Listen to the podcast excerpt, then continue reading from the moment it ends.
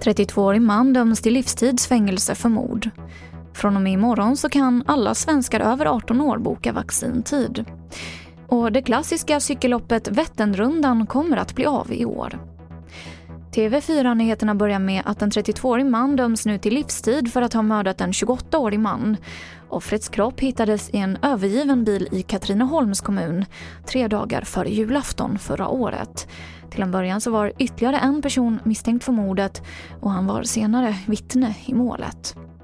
Från och med imorgon så kan alla svenskar över 18 år boka vaccintid.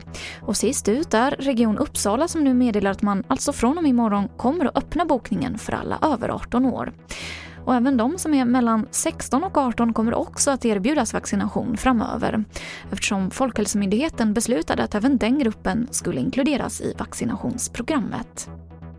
Polisen har fått in flera larm om hundar som lämnats i varma bilar.